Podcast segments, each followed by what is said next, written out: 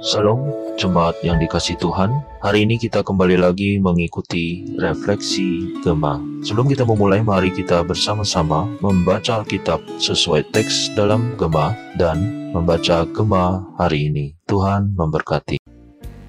Shalom, Bapak Ibu, Saudara sekalian.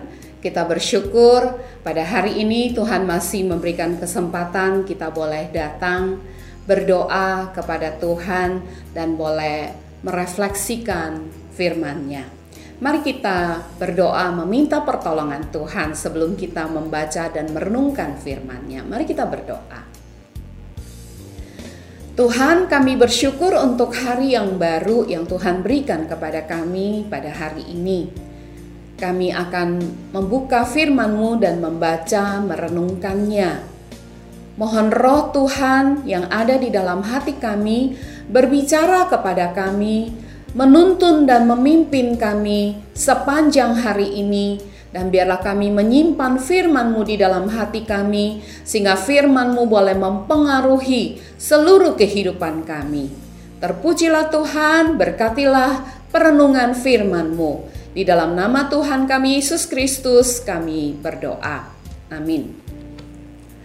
Bapak Ibu Saudara sekalian, Andaikan satu kali ada seorang sahabat yang datang kepadamu lalu membawa hadiah untuk hari ulang tahunmu.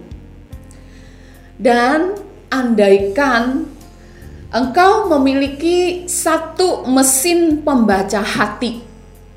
Sehingga ketika sahabatmu datang memberikan hadiah ulang tahun, engkau membuka mesin pembaca hati itu. Lalu kemudian engkau mendapati bahwa ternyata sahabatmu ketika datang memberikan hadiah kepadamu, motifnya yang tersimpan di dalam hatinya adalah semoga hadiah ini boleh menggugah hati sahabatku sehingga ketika nanti aku berulang tahun dia juga memberikan hadiah karena aku sudah memberi duluan.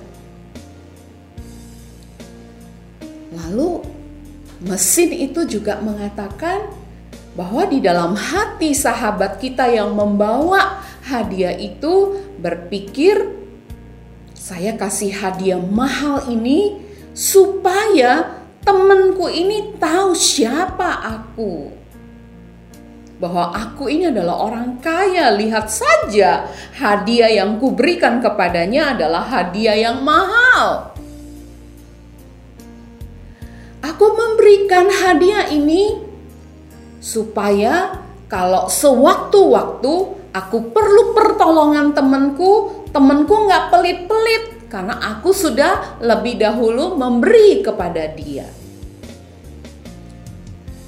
Bapak, ibu, saudara sekalian, apakah kita akan senang menerima hadiah dengan motif yang seperti itu? Tentu saja enggak. Kalau kita punya mesin itu, mungkin kita akan segera kembalikan saja hadiahnya, benar enggak? Kalau kita saja tidak senang, Bapak Ibu, menerima hadiah dengan motif seperti itu, apakah Tuhan akan senang jika umatnya datang memberikan persembahan karena umatnya mengharapkan karena umatnya punya motif-motif seperti teman kita tadi?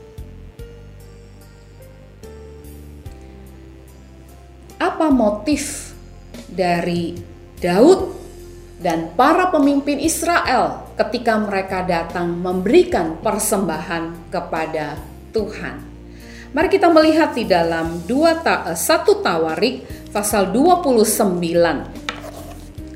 Saya akan membacakan uh, beberapa ayat saja ya.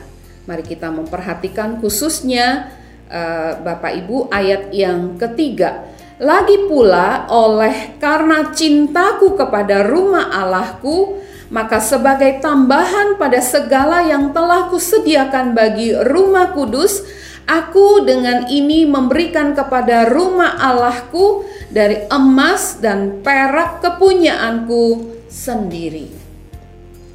Bapak, ibu, saudara sekalian, Daud memberikan persembahan kepada Tuhan karena cintanya kepada Tuhan.